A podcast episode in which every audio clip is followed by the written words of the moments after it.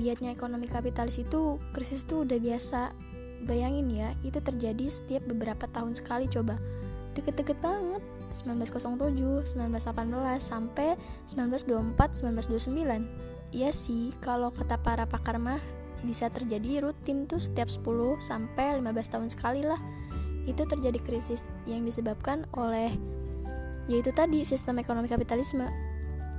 Kapital kan modal, Isma paham. Paham yang memenangkan para pemilik modal. Bahasa Arabnya mah rosu maliyu. Rosun kepala, mal itu uang. Jadi di kepala ada uang. Ya memang yang punya uang yang berkuasa, money top kalau kata kita mah.